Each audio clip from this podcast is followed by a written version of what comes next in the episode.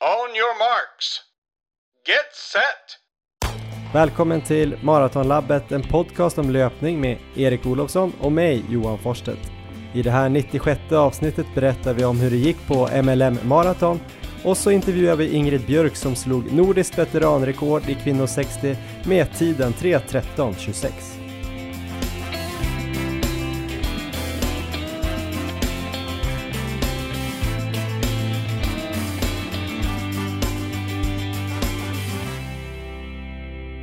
Ja, då ska ni alltså vara varmt välkomna till avsnitt 96. Med mig har jag ingen mindre än Erik Olofsson från Uppsala. Hur är läget? Det är inte så bra Johan. Det har inte varit så bra sista, sista tiden men eh, jag tror det är på lite, lite på bättringsvägen nu i alla fall.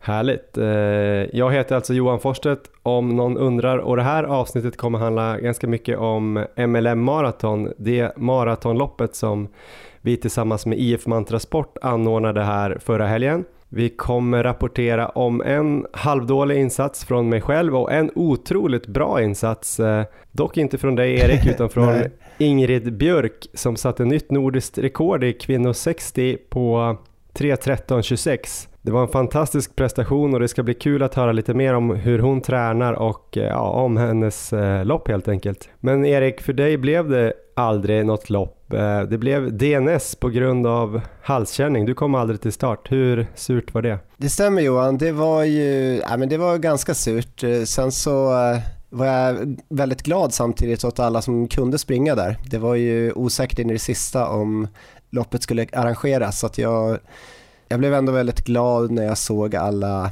som hade sprungit bra efteråt och att allting hade rullat på så bra som det hade gått. Men för egen del då så gick jag och la mig ändå med eh, väldigt goda förhoppningar om att eh, göra en bra tid där på lördagen. Så jag gick väl och la mig vid tio tiden och för en gångs skull så kunde jag somna på en gång. Jag brukar ha väldigt svårt att sova natten innan maraton. Men jag tror det hade varit så mycket annat nu innan eh, så att det jag var helt enkelt, jag var helt enkelt trött och somnade. Så eh, bra, bra så långt, men sen vaknade jag två timmar senare vid tolvtiden där på natten och kände direkt att halsen är, det här är inte bra. Eh, så jag gick upp och försökte dricka lite vatten och jag kunde knappt få ner det vattnet så redan där insåg jag att det här är helt kört. Eh, och på morgonen sen så var det ju ännu värre så att det var ingenting att göra åt helt enkelt utan jag fick ju lämna återbud på morgonen. Och sen så har det ju, ja, det har ju utvecklats till någon eh, monsterförkylning av det här i alla fall. Så att det har varit ganska klassiskt som det brukar vara när jag är sjuk, börja med halsont och gå över till förkylning.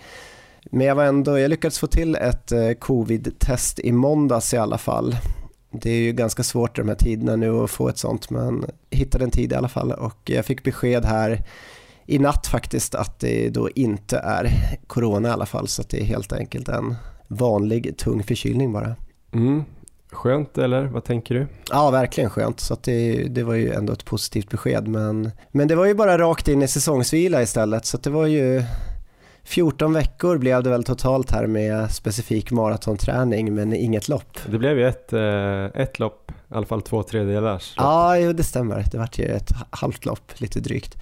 Men eh, det är inte bortkastat ändå utan det är mycket bra träning så att nu är det väl bara att eh, ladda om för 2021 tänker jag och då ska det gå snabbt. Men eh, nog om mig för idag. Nu går vi över till de som ändå sprang riktigt bra här, för det gjorde även du tycker jag.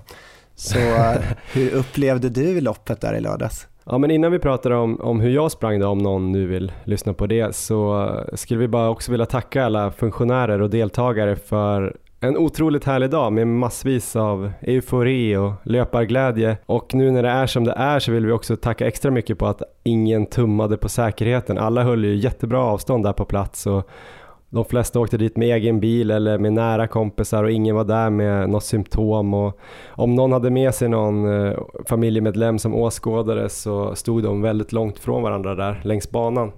Så det kändes väldigt skönt och tryggt att eh, alla följde råd och restriktioner. Och det kändes inte mer smittosäkert eh, eller vad man ska säga än att gå in på Coop typ och handla här i kvarteret. Så eh, man kan ju alltid fundera på vad som är rätt eller fel att göra liksom just nu och kanske ska man bara sitta hemma egentligen men, men faktum är ju att, Anders Tegnell bara någon dag innan det här loppet var ute i media och pratade om just löpartävlingar som väldigt säkra om man kör dem utomhus och sådär. Ja, precis. Det kom ju en studie där, en japansk studie eh, sista veckan där innan loppet och där hade det visat sig att på 787 sådana här nationella distanslöpartävlingar mellan juli och oktober i år så tror jag det hade varit ett fall av corona totalt där så att det enligt den studien i alla fall eh, minimala risker med löptävlingar och eh, Tegnell var ju inte förvånad över det utan han sa ju att han hela tiden hade sagt att utomhusidrotter där man inte är speciellt nära varandra då att riskerna uppenbarligen är väldigt små. Ja, det kändes i alla fall bra att veta innan jag åkte till eh, Uppsala där på lördag morgonen.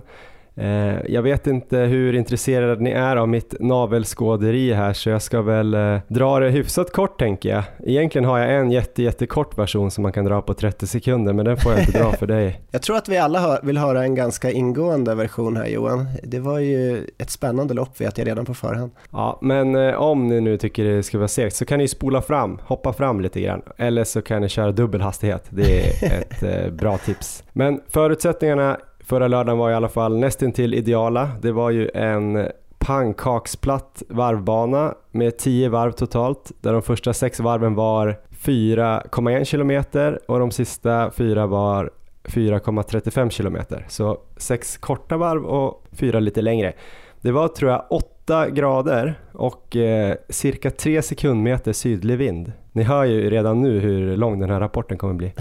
eh, mitt gällande personliga rekord var 2.58.35 från Frankfurt 2018 men eftersom jag nyligen sprang ju halvmaran på 1.16.18 var ju siktet inställt på sub 2.45 och så hade jag då lyckats få med mig den mycket fina löparen årets SM5 på maraton Kristoffer Lås som både mentor och har i det här loppet. Det var bara förutsättningarna inför loppet Erik. Eh, när starten gick så blev vi ju rätt snabbt en eh, grupp på, jag vet faktiskt inte exakt hur många det var där i början, men säg att vi var 8-9 stycken som låg bakom lås och eh, jag låg ju klistrad i hans rygg. Det eh, skiftade mellan kanske 3.50 och 4.00 fart hela tiden och snittet låg ju kanske lite under 3.55 fart som skulle vara 2.45 då på maraton. Det kändes jätte, jättelätt de första två varven och det enda som då störde var väl att jag var lite, lite uttråkad faktiskt. det kändes som att jag bara låg i det där tåget. Jag försökte tänka på det här som Musse sa ja, i någon intervju det. där, eller om det var hans sommarprat, att man skulle liksom ligga, första tredjedelen skulle det vara som att ligga bak i en bil och bara softa liksom. Så att eh, jag försökte tänka på det, men jag kände lite så här, ja det här känns ju superlätt, men fan åtta varv till, är inte det lite sekt att se den här banan ja. så många gånger? Jag kommer ihåg att Hiding sa det till mig när vi sprang där på samma bana några veckor tidigare. Ja. Nu, nu, sitter vi i baksätet, baksätet här, tänk, på, tänk som Mussa. Och det gjorde jag, så jag satt där i baksätet. För mig slutade det där med att jag fick aldrig ens kliva fram i förarsätet där för att det kändes som att jag, vi krockade med den där bilen innan vi nådde dit. Ja, får se om jag fick köra den här bilen eller inte. Men eh, tanken var i alla fall att jag skulle ta energi vid varje varvning då, så nio gånger och då skulle jag, hade jag ungefär en liter sportdryck som jag hade delat upp i sju små flaskor och sen hade jag lagt upp dem på en egen pall som jag hade haft med mig hemifrån. Så jag skulle kunna veta exakt vart mina egna flaskor var. Och två av de här varven skulle jag då ta en gel med koffein, en Mårten-gel. Um, ehm, så jag har faktiskt tagit en Imodium innan loppet för att hålla magen i schack. Jag vet att uh, vissa löpare gör det för att, uh, ja, att det inte ska bli någon löparmage och sådär. Har du gjort det förut också? Nej, det har jag faktiskt aldrig provat, men jag var ju i kontakt med våran uh, poddläkare så att, eh, jag visste ju att det skulle kunna funka och sådär, men jag har inte testat det själv så det, det kanske kan ifrågasättas. En gång i Indien har jag förstås testat det. Då kunde jag inte gå på toaletten på en vecka. Typ.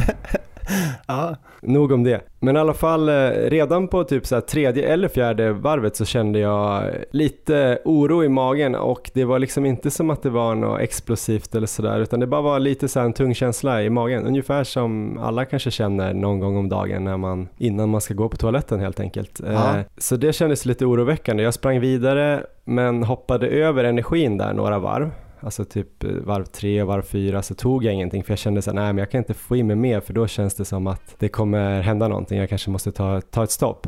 Drack och du vatten sen, eller skippar du allting? Ah, jag tog ingenting i princip. Mm. Så jag kände bara att jag fokuserade på att fortsätta springa och ha den där lätta känslan. Men jag fattar ju att det inte var en bra långsiktig strategi. Och sen eh, typ på varv fem, alltså strax innan halva loppet sa jag till Lås att jag måste nog göra ett snabbt stopp nu. Och han var lite så här, nej men det kan du inte göra.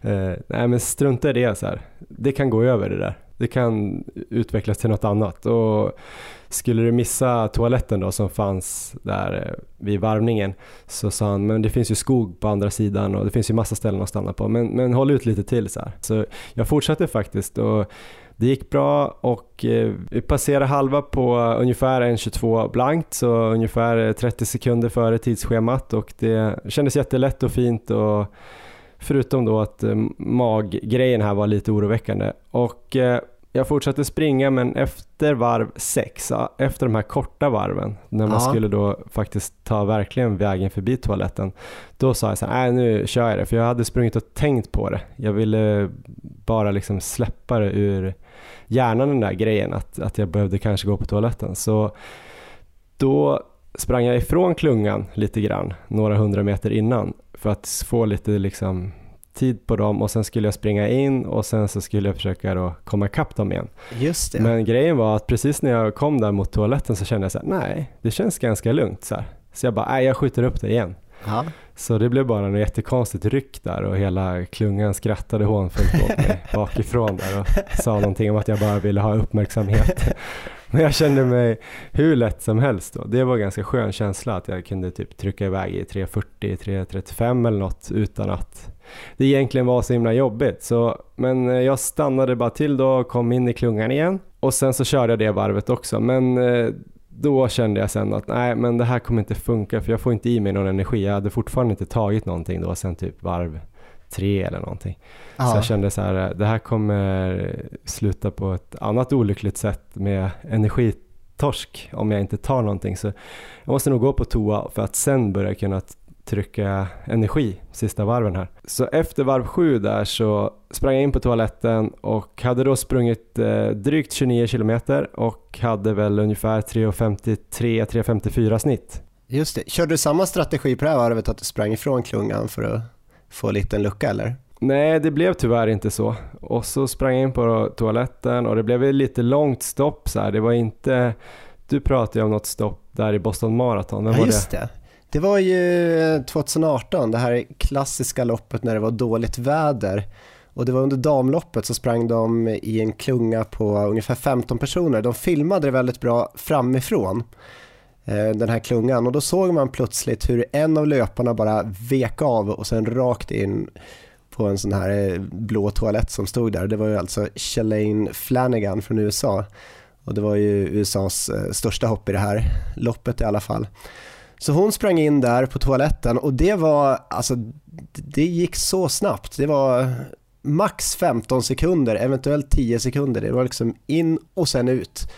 Ehm, otroligt imponerande. Men det som var lite fascinerande i det loppet det var ju också att Des Linden, en annan amerikansk löperska som var med där, hon hade en riktigt dålig dag så att hon kände där att när det här hände, hon såg att Shalane stack iväg där, så hon backade ner i alla fall från den här klungan, för hon tänkte att det här är inte mitt lopp, eh, jag kommer inte springa så bra idag, så att eh, jag hjälper Shalane upp till klungan igen så kommer hon fortfarande ha en chans att, eh, att placera sig bra. Så det gör i alla fall det, så hon backar ner till Shalane, hjälper henne upp till klungan och sen rullar loppet på. Shalane har ingen bra dag, men det som händer sen är ju att det drar in extremväder där med motvind och regn och storm helt enkelt och eh, Dess är fortfarande med i loppet där efter att ha hjälpt Chalain Och eh, till slut så ligger hon där 3-4 några minuter bakom ledaren som har stuckit iväg i alla fall. Men eh, hon närmar sig hela vägen in och eh, med några kilometer kvar så går hon om i alla fall och vinner hela loppet sen. Så det var ju verkligen så här karma, god karma efter efter att ha hjälpt till där. Men det var ett litet sidospår tillbaka till dig och MLM Johan. Ja, det där lät ju mer spännande än mitt lopp, eh, så jag vet inte, jag kanske ska avsluta här. Tyvärr hände ju absolut ingenting av det där episka. Det var inget 10, det var inget 10 sekunders stopp för dig där? Nej, det var snarare en och tio, alltså Oj. en minut och tio sekunder. Jag, eh, det var liksom lite mer att jag blev så lite bekväm, gick in och satt mig, typ torkade av ringen. Ja, men jag satt och mös, tog fram en tidning, läste liksom ledaren. Eh, Ja, tyckte det var rätt behagligt där inne. Ja, Torkade mig ordentligt, Härligt. spritade händerna, stretchade lite, tänkte så här, ah, nu ska vi ut och ta den här sista biten då. 13 kilometer kvar. Så när jag kom ut där efter 1.15 så var jag väldigt glad och eh, kände mig lätt och fin i steget men jag hade ju, såg ju inte röken av min gamla 245-klunga där. Och just det. Just eh, det. tyvärr då så här i efterhand så har jag ju fattat att det kom ju lite folk där säkert eh, bara mellan kanske 40 och 50 sekunder efter oss. Så hade jag varit lite snabbare hade jag kanske kunnat plockat upp någon av dem och sprungit med dem. Och då kanske det bara var en, två stycken, men ändå, det hade ju gjort lite skillnad. Nu fick jag ju springa helt själv då för att jag satt och, och myste så länge på toan. Eh, men i alla fall så kändes det bra. Första varvet där, alltså varv åtta blir det väl, så höll jag farten ganska bra. Jag såg eh, klungan på ett ställe. Jag hade nog inte tappat så himla mycket mer då förutom toastoppet. Ja. Och eh, jag tror varv 7 gick på 17 13 och varv 8 gick typ på 17 14 och sådär.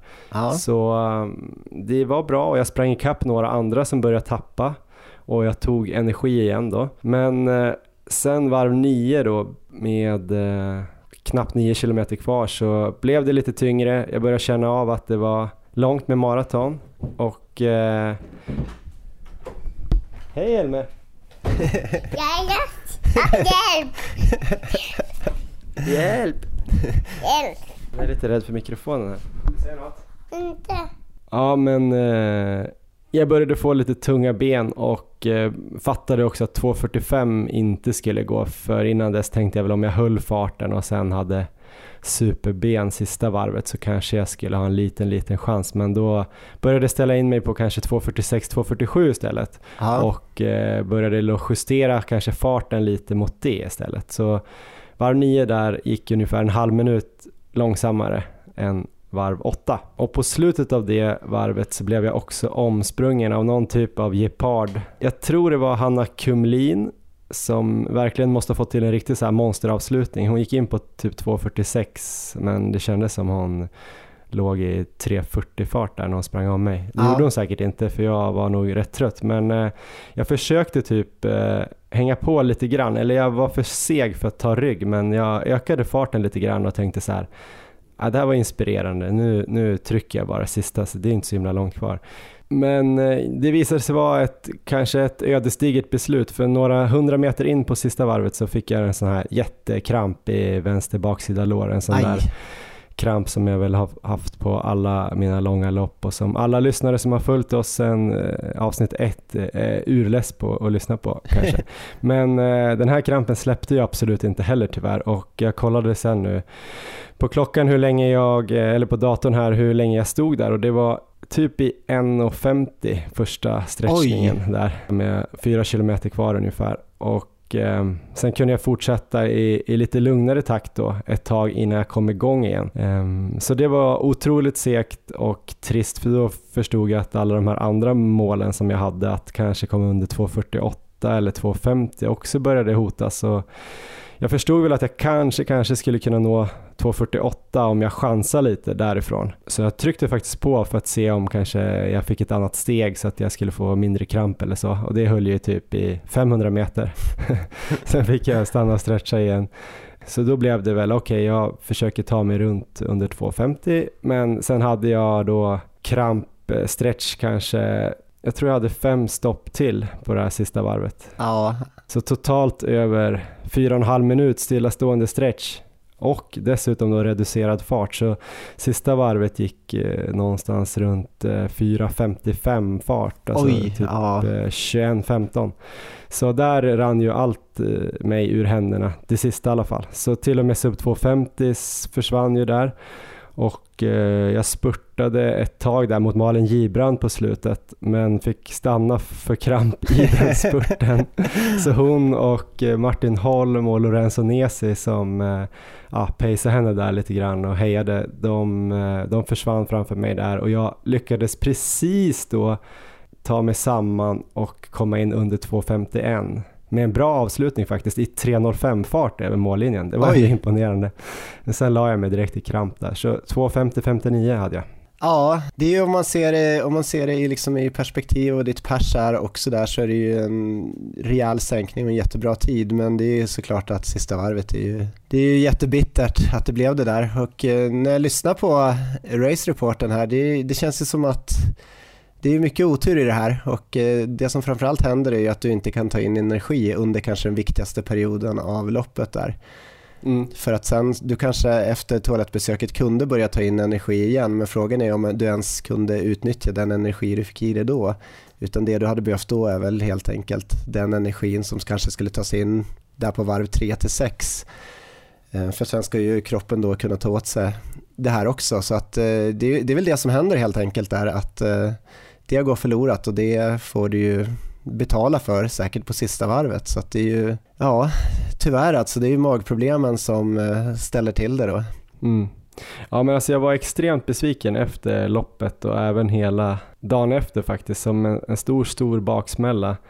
Eh, men sen på söndag kväll ja. när jag skulle skölja ur då mina flaskor som jag inte hade tagit hand om när jag kom hem, då hällde jag ut faktiskt allt innehåll som var kvar då, det hade ju bara varit kvar i de här flaskorna. Då hällde jag det faktiskt i ett litet mått bara för att se så här, ja, men hur mycket har jag inte druckit så att säga. Och då såg jag att jag hade mer än hälften av sportdrycken ah. kvar i alla fall. Plus en gel, så istället för de här äh, runt 60 grammen kolhydraterna per timme då som jag skulle få i mig så fick jag nog i mig knappt 30 gram per timme och då var det lite i början och lite i slutet och som du säger det där i slutet kanske inte ens han hjälpa mig mer än att jag kunde köra bilen hem till Stockholm sen då efter loppet. Men, eh, så jag förstod ju då ännu mer, det var ännu tydligare då att det, det är såklart att jag har fått i mig alldeles för lite och, och när jag gick tom så kom väl krampen då extra lätt eftersom musklerna inte hade någon energi och slut på glykogen. Och, så jag vet inte, i, om det här skulle ha hänt igen, om man bara skulle vilja få göra omloppet och ändå ha magproblemen, då hade det nog varit smartare kanske och bara gått av så fort som möjligt och såklart inte stannat lika länge typ. Ja. Utan eh, bara kanske sprungit in i en skogsdunge eller tagit toaletten för den delen men kanske halvera tiden där och sen haka på någon av de här kanske 248 klungorna som låg en bit bakom och sen se om jag hade kunnat gjort något därifrån och fått en lite mer eh, negativ split då kanske, för vi låg nästan till och med lite, lite fort då eh, i första halvan, några sekunder. Ja, hade du varit riktigt hård Johan, då hade du gjort som vissa gör. Det är, jag ska inte nämna några namn, men det är vissa som inte ens springer in i skogen utan bara de låter det hända och sen springer på. Då tror jag du hade kunnat tagit 2.45 faktiskt. Ja, jag är inte riktigt där än faktiskt. Jag vet ju vissa som eh, har gjort det både i lopp och sen på träning och pratat om det i andra poddar här. Men eh, jag är inte där än. Det är klart att, eh, jag vet inte, så viktigt är det inte för mig än. Jag tycker det känns lite jobbigt. Jag måste vara ärlig där. Men i, i det stora hela Johan så tycker jag du, du gör ju efter förutsättningen ett eh, kanonlopp ändå. Det är ju helt tydligt att du är kapabel för mer än det här men 2.50 eh, när vi startade då för knappt tre år sedan, det hade, tror jag du hade varit eh, fantastiskt nöjd med.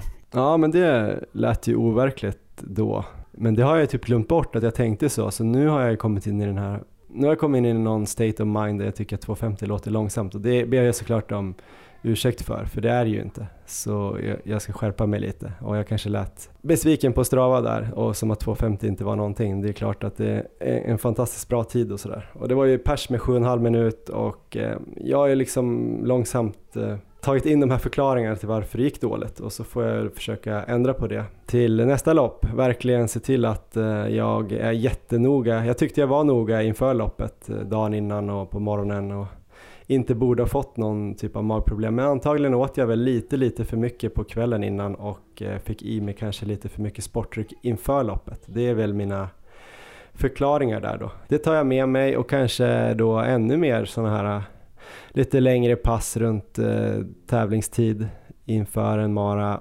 och då också köra flera pass med rätt energiplan och då även eh, att det innefattar dagen innan och morgonen så att man kör liksom två dagar före ett träningspass då, exakt likadant som man ska göra på loppet och kanske göra det istället för en gång så kanske man gör det Ja. fyra gånger, vad vet jag.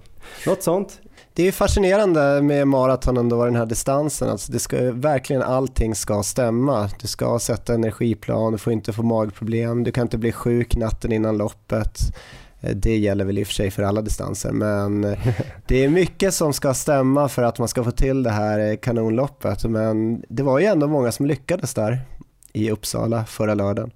Ja, det var jättemånga som sprang superbra. Till exempel då Marcus Smed som jag sprang med i Bålsta halvmaraton. Då sprang ju han precis på 1.16.00 där. Han hade ju faktiskt eh, låga 2.43, jag tror han hade 2.43.10. Så han svarade upp väldigt, väldigt bra och sprang typ nästan själv hela loppet. Jag tror han hamnade före oss i någon, något ingenmansland.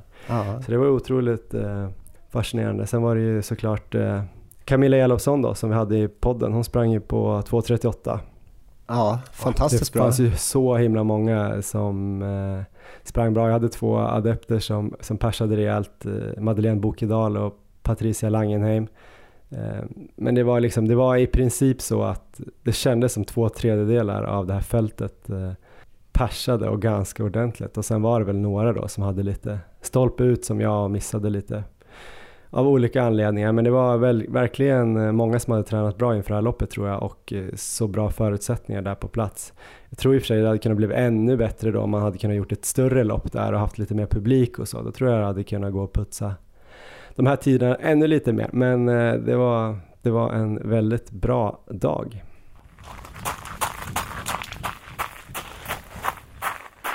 Vi ska snart prata mer med en annan eh, löpare som sprang jätte, jättebra i lördags. Men först ska vi tipsa om en grej från Löplabbet, vår samarbetspartner. De har ju då på löplabbet.se, dels har de ju rea och det är upp till 70% på vissa grejer där. Men dessutom har de också fått in en ryggsäck som är eh, jättebra för löppendling till jobbet. Och eh, den heter då I'm Runbox Backpack Pro 2.0 och den är då gjord för alla som springer till och från jobbet. Och det som jag tycker verkar vara otroligt bra med den, vi har inte provat den ska vi säga, men det är ju att eh, man verkar kunna få med en eh, dator eller en laptop väldigt bra i den här ryggsäcken och eh, dessutom att man kan packa kläderna på ett sätt som gör att de inte blir jätteskrynkliga när man kommer till jobbet. Man öppnar den lite grann som en resväska så, och så finns det olika fack, lite sådär resväsketyp så man kanske slipper då bara trycka ner allting i en liten ryggsäck. Jag tror det är 12 liter volym i den här ryggsäcken men det går också att sätta saker utanpå och sådär. Men just det här med datorn brukar vara ett problem för mig när jag har löppendlat i perioder av mitt liv för jag har ju ofta med mig min dator som jag ofta jobbar med men jag också vill ha hemma. Så att det skulle ju vara grymt med den här. Erik, du kanske inte heller löppendlar så himla mycket nu för tiden men du har gjort det. Ja, det har jag. Jag gjorde det för 10-12 år sedan ungefär. Då hade jag 10 kilometer till jobbet och eh, skulle då ha med mig min laptop i alla fall. Det var en ganska tung laptop, kommer jag ihåg. Och jag kommer ihåg att största problemet var egentligen att eh, det var, kändes ganska klumpigt. Den, eh, jag sprang då med en vanlig ryggsäck med den här laptopen i och eh, ja, satt väl inte så bra så det skavde lite och den hoppade lite och sådär kändes det som. Så att eh, nu när jag såg videon om den här väskan, det hade ju varit drömmen verkligen att ha då. För den här sitter ju ver verkligen ergonomiskt och jag tror att eh, den är nog som gjord för det här ändamålet. Så om man löppendlar och eh, behöver ha med sig laptop till jobbet så eh, då bör man definitivt kolla på den här. Ja, gå in och kolla på löplabbet.se.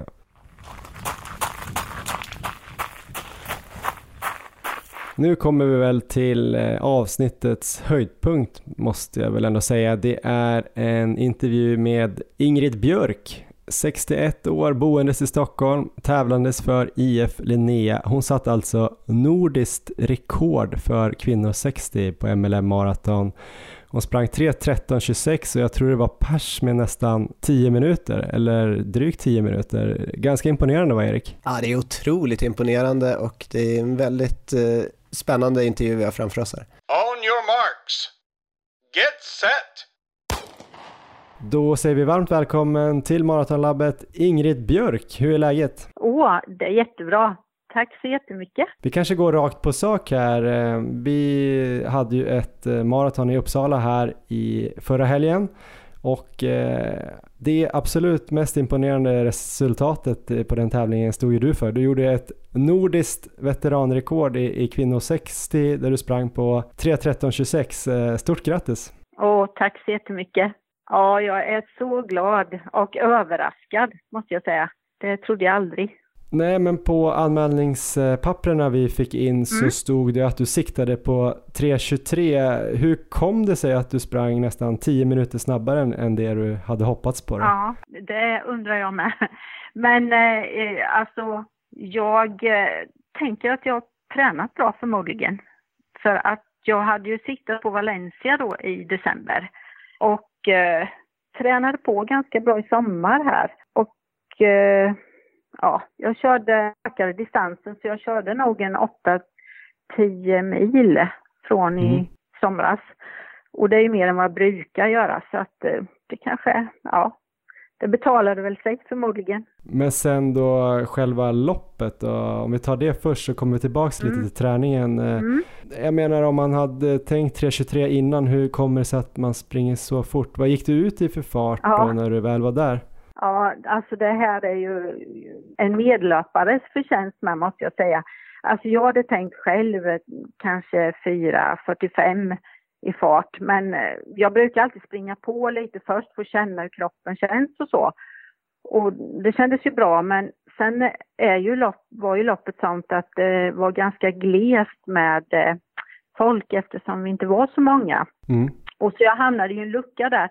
Men sen kom det en kille ikapp mig där Eh, och liksom la sig bredvid och sen så sprang vi ihop och jag kände att han sprang. Han sprang ju fortare än vad jag hade tänkt men ja, han sa att ja nu ligger vi 4.30 och då tänkte jag att eh, oj då, det är för fort men jag hänger på, jag hänger på så länge jag kan och jag sa till honom med att jag, jag hänger på så länge jag kan för jag, jag vill ju inte bli ensam här. Eh, och eh, så vi sprang på där och det kändes jättebra. Det flöt på så bra så. Och när det, vi kom till någon raka, det blåste ju lite på vissa ställen. Mm. Inte så farligt men då så sa han, men lägg dig i rygg på mig, det är ingen fara typ så här. Och eh, så det gjorde jag ju där så att eh, ja, vi höll ihop där och jag tänkte nu släpper jag inte, nu hänger jag på. Eh, och det gick faktiskt fram till 34 kilometer då då kände jag att eh, nu, nu tappar jag lite här. Så då tappade jag honom. Men eh, sen så, ja, jag kämpade mig i mål i alla fall. Och jag tyckte det kändes bra ändå, ända in i mål, fast jag orkade ju inte hålla farten riktigt. Men när jag tittade på klockan så trodde jag ju inte att det var sant, måste jag ju säga. Nej, men eh, du slog det här eh, nordiska rekordet. Om jag nu har hittat rätt rekord eh, så var det 3.90 1955 och det var jättegammalt mm från typ eh, 86 mm eller något, stämmer det? Jag har ingen aning, jag bryr mig aldrig om sådana där rekord så jag vet inte, ingen aning. Nej, jag får dubbelkolla det, men om det stämmer så är det ju ja. 6,5 minut eh, nordiskt rekord, det är ju eh, otroligt fantastiskt bra. Ja. Ja. Men eh, du sa där att han sa till dig att nu ligger vi 4.30 fart. Eh, hade ja. du inte det på din klocka eller springer utan klocka eller? Och jag har klockan men jag brukar inte titta sådär jättenoga men ja, jag kände, jag brukar känna liksom om, när, bara, när det börjar gå för fort och brukar sänka lite och sen brukar jag titta var 50 kilometer sådär. Mm. Men, eh, men ja, det gick ju faktiskt jättebra, gjorde det. Jag, jag kände, det kändes bra så jag tänkte att det hade ju varit dumt då att sänka farten. Vet du vad du hade ungefär eh, halvvägs då? Det var, fanns ju ingen exakt markering men om du kollar på klockan? Nej, jag kollade inte men han gjorde ju det. Så han sa att det låg i 1.35 då.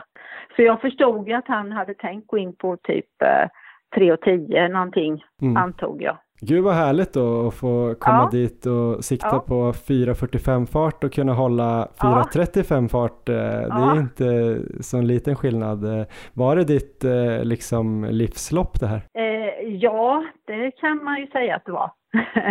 det var det verkligen. Eh, och så jag vet inte, det kanske var med att eh, man inte hade så stora förväntningar i och med att man kom, jag kom in lite på en räkmacka på en reservplats då ju.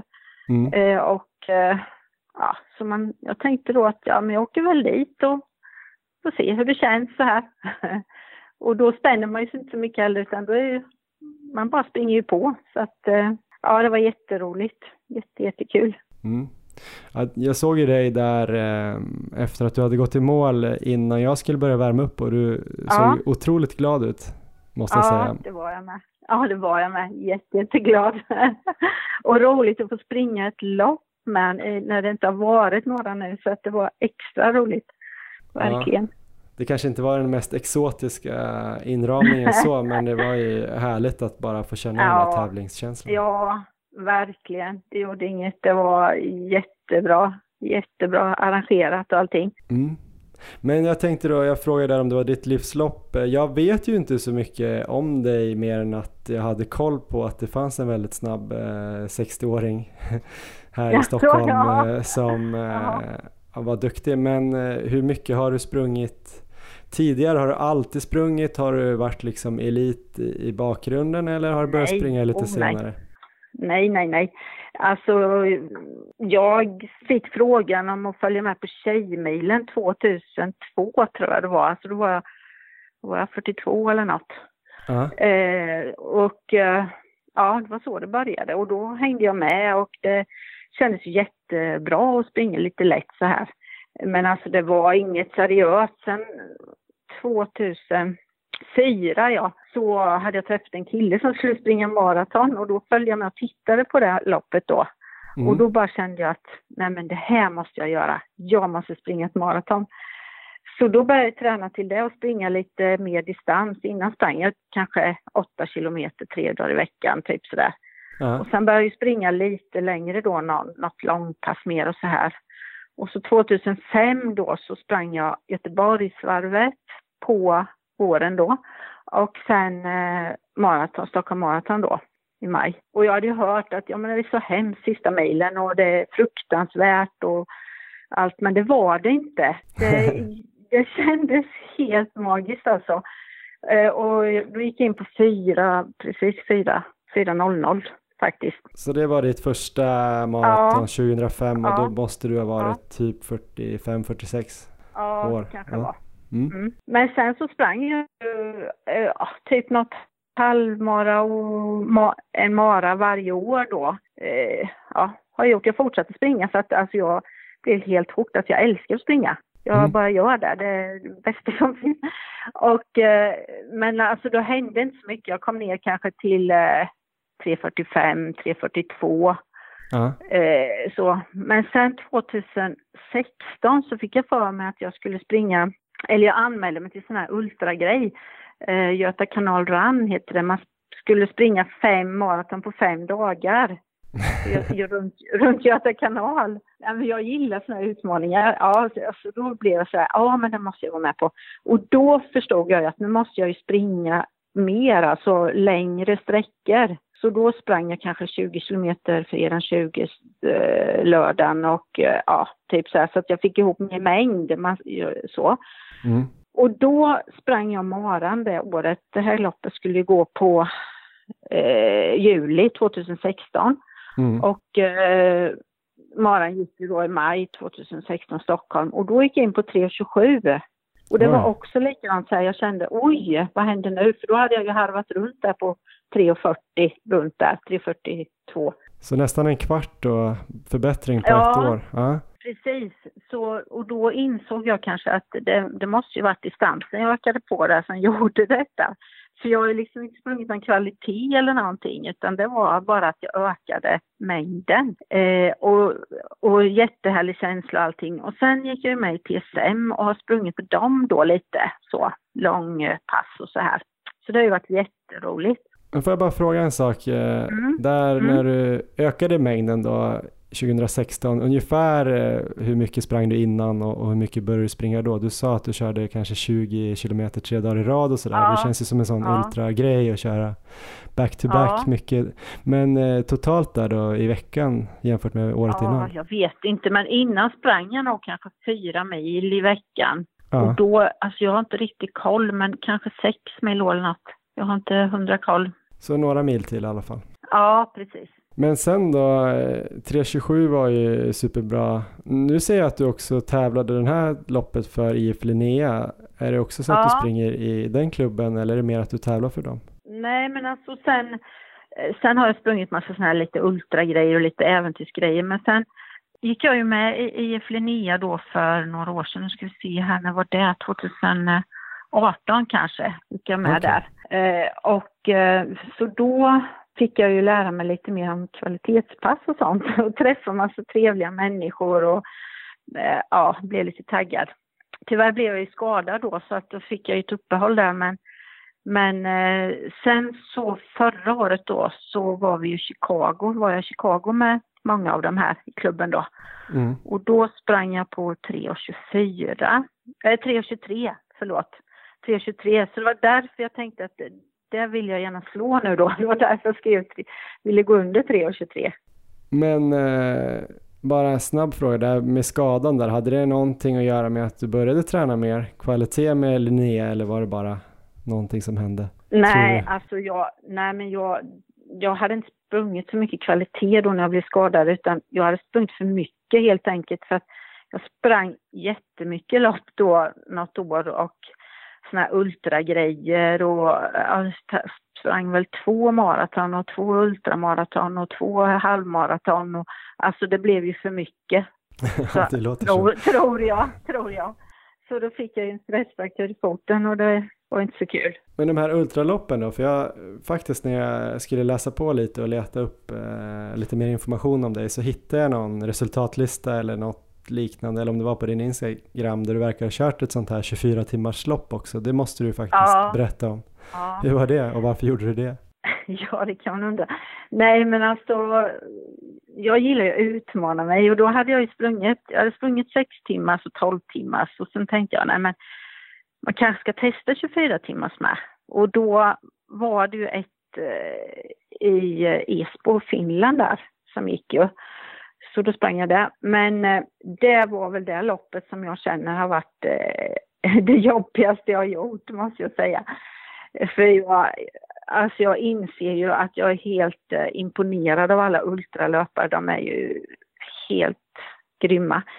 Men jag tog ju slut, alltså jag fick ju gå och lägga mig två gånger och var, ja, Det var allting runt omkring eller liksom eh, med sömn och mat och Ja. energi och mat. Alltså jag hade ju köpt typ en sån här förpackning med Snickers och jordnötter på planet dit som jag tänkte att det här blir väl bra. och lite så. Men det blev det ju inte. Eh, och sen var det på inomhusbana då, man sprang runt liksom på betonggolv Okej. där. mm. Så det var ju, ja, nej men jag var helt en, nej men jag, det, jag får erkänna att det var inte min grej riktigt. Så, men nu har jag testat det. Jag fick i alla fall ihop 14 mil men eh, jag, jag tror att jag har gjort det nu, det räcker. Ja, så får man ju verkligen känna. Det ja, låter ju rimligt att känna det jämfört. Det Ja, låter mer orimligt ja. att tänka det här är min grej och springa på betong inomhus i hur? 24 timmar. ja, eller hur? Ja, men nu behöver jag inte undra över det längre. Nej, vad skönt. Men eh, jag tänkte, du sa ju här då, om man tänker in mot det här loppet så började du springa Mm. lite mer för att du tänkte att du skulle springa i Valencia som många andra också Ja. hade tänkt såklart. Ja. Men 8-10 mil sa du i veckan, hur har du lagt upp det då? Med vilken typ av kvalitetspass och, och långpass och sådär har du Mm. kört? Ja, jag har faktiskt eh, börjat tänka på kvalitet lite mer nu så att i början på sommaren så bestämde jag mig för att jag skulle springa ett backpass i veckan. För jag Ja. har varit så fruktansvärt dålig på backar. Jag tänkte, då måste jag träna på det. Så att jag har sprungit ett backpass i veckan eh, som har varit på 30 minuter då. Eh, upp och ner för backen då och sen sammanlagt upp och ner var 12 kilometer ungefär. Ja, Så det har jag gjort varje vecka. Och sen har jag försökt springa, jag har sprungit med klubben när jag har kunnat, men han har sprungit själv då. Något sånt här lite mer intervallaktigt eller tröskelpass eller typ sånt här. Något lite mer snabbare i veckan.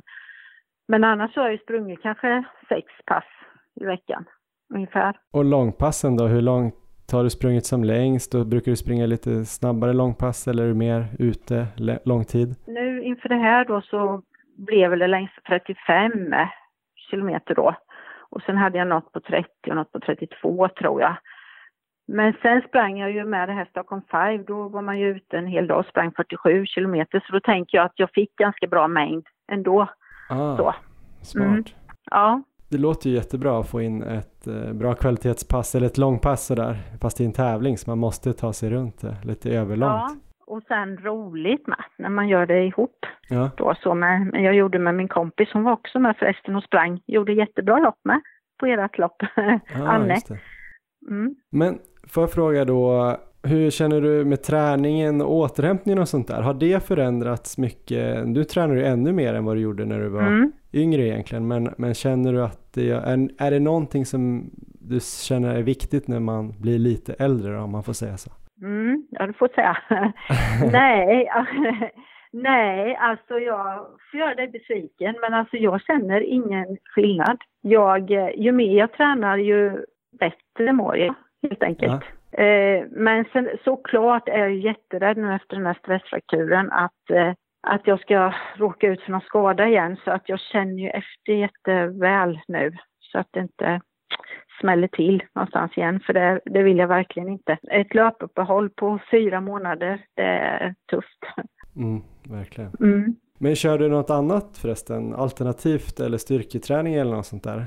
Eller blir det liksom backarna som blir din styrketräning? Ja, det har det ju varit nu då, men annars har det varit lite så här kört lite bara, inget avancerat, lite så här, lite roddning på gym och lite crosstrainer någon gång och cyklat har jag gjort lite så här, men, men inget avancerat. Det är väl något jag tänker jag kan utveckla faktiskt.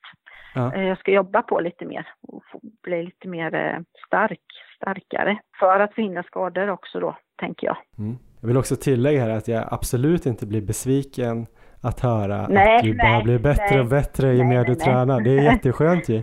Ja, Då behöver inte jag ja. bekymra mig heller, än på ett tag. Nej, nej det behöver du inte. Nej, men det, det behöver inte vara så. Alltså man kanske tänker att man är mer skadebenägen. Ja, det kanske man är i och för sig, men alltså känslan i kroppen, i min kropp, är väldigt god. Gud vad härligt. Mm. Jag skulle vilja fråga några grejer innan vi, vi slutar. Först tänkte jag bara hoppa tillbaks. Du sa att du såg, du träffade någon, någon man där som sprang ett maraton Ja. och du kollade på honom och, och tänkte det här måste jag göra. Vad var det som fick dig att tänka det? Nej, men alltså när jag stod där inne på stadion och såg alla som kom in och liksom de kämpade och de var så glada och de, en del fick ju nästan hjälpa varandra över mållinjen och äh, jag tyckte det var helt, eh, jag vet inte, ja, men jag kände med att det här är ju verkligen en utmaning, jag måste testa det. Det var så jag kände bara. Och varför tror du att du tycker så himla mycket om att springa då? Ja, jag vet inte. Ja, men det känns liksom rätt för mig. Det känns som att det är min grej på något sätt. Jag, jag vet inte. Fast jag gillar i och för sig att röra mig överhuvudtaget, eh, cykla och så, men eh, löpningen är något speciellt och just det här att man kan faktiskt, eh, alltså man är inte beroende av någon, jag kan sticka ut själv, jag springer när det passar mig och eh, är man trött en dag så man sticker ut så är man pigg när man kommer hem och har sprungit och det behöver inte vara så märkvärdigt på något sätt. Det, ja, jag tror det är det som gör det med. Härligt! Tack så jätte- jättemycket att vi fick ringa upp och, och intervjua dig Ingrid. Ja, tack jag fick vara med. Det var verkligen jättestort för mig.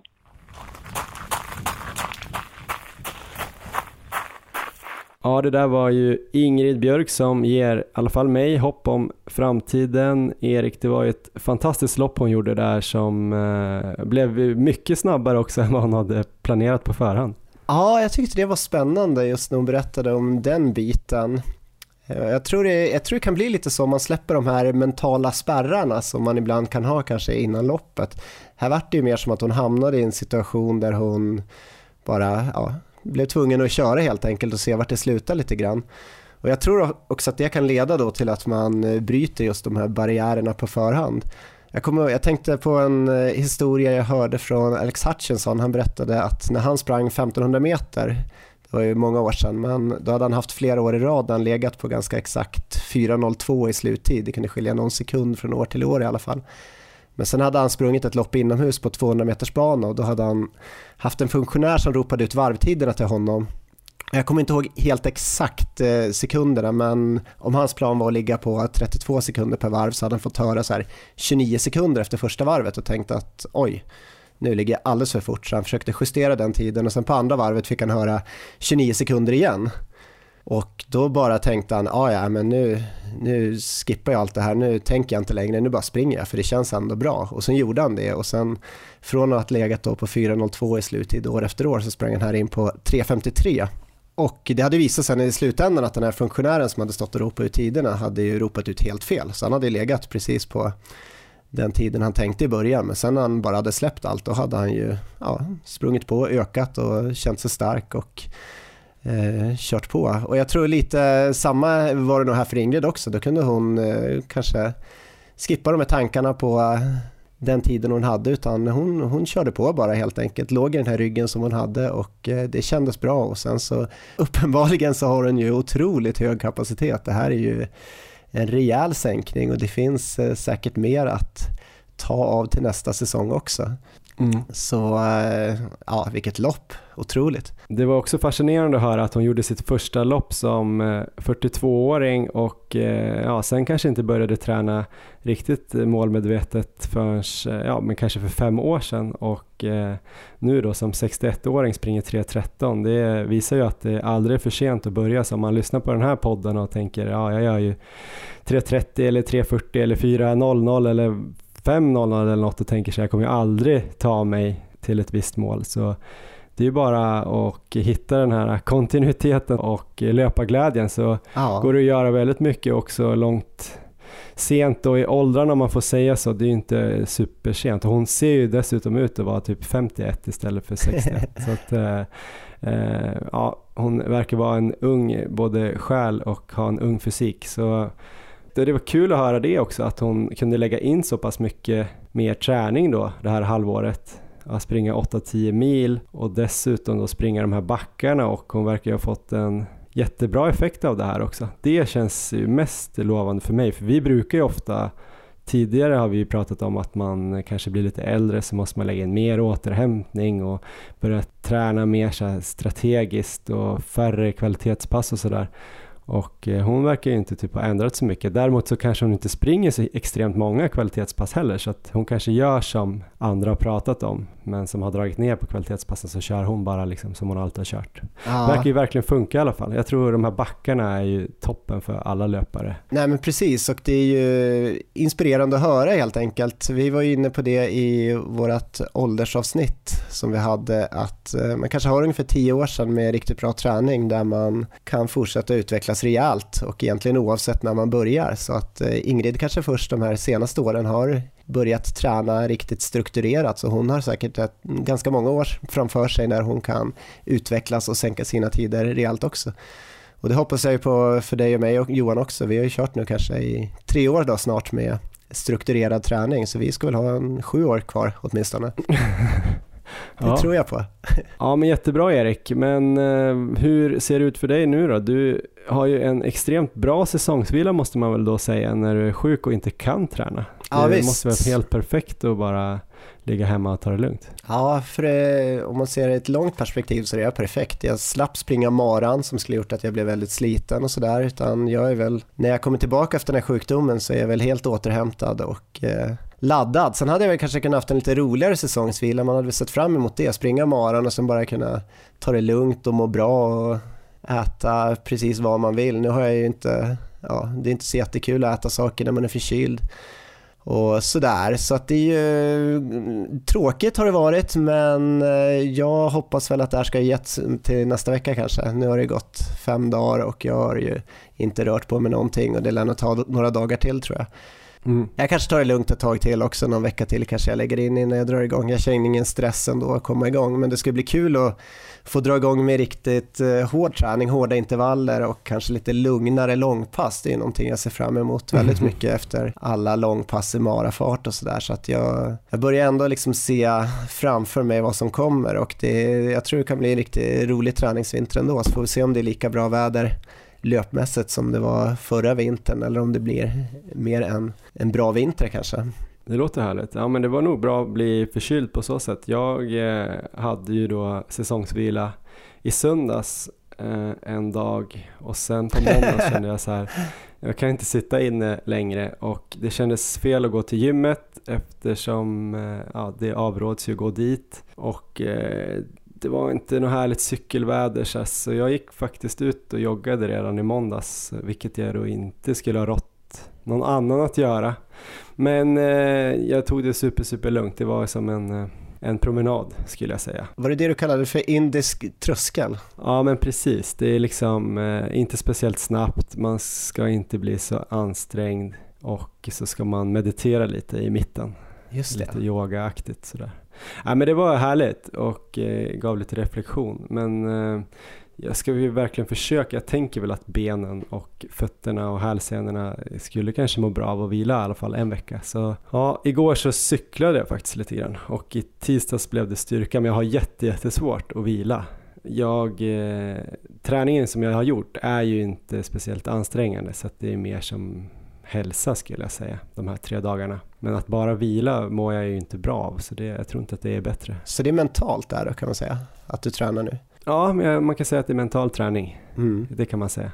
Ja, nej men jag får se, jag är faktiskt ganska taggad. Det är väl bra med att misslyckas med ett lopp eller misslyckas med en målsättning då. Om inte du tyckte att loppet var helt misslyckat så missade jag ändå mitt mål så ja. är man ju ändå lite sugen på att eh, komma tillbaks ännu hårdare och kanske träna lite hårdare och lite smartare här under grundträningsperioden och sen eh, någon gång i vår där då när folk börjar bli vaccinerade och loppen kan komma igång igen lite mer på allvar. Förhoppningsvis så kanske det kan bli jäkligt kul då att få komma i ett par fräscha skor och ett nytt linne och eh, springa fortare än vad många tror att man kan göra. Så att eh, det, det är det jag siktar på. Det här låter lovande. Jag tycker du har tagit det här loppet på helt rätt sätt. En, en dag var lite deppig och sen bara på det igen. Ja, nej men vi kommer väl tillbaks med ett avsnitt inom kort. Eh, vi får se om det blir nästa avsnitt där vi tänkte prata lite om grundträning och då får väl vi bjuda in någon eller flera jättebra gäster som kan prata om det och sen kan ju du och jag prata om eh, vad vi kommer ha för strategier den här vintern då. Absolut. För att komma i bättre form än någonsin till våren. Eh, man kan också kolla på Strava då där du heter Erik Olofsson och jag Johan Forstedt kan man väl se om det blir mer sådana asiatiska trösklar för mig och om det blir någon träning överhuvudtaget för dig. Ja. Eh, ja, på Instagram finns vi också och heter Maratonlabbet och eh, ja, vi får väl fortsätta vila här nu då några dagar till och sen kanske vi smyger igång. Jag vet inte. Du får i alla fall ha det så bra och krya på dig Erik. Ja men detsamma, trevlig vila.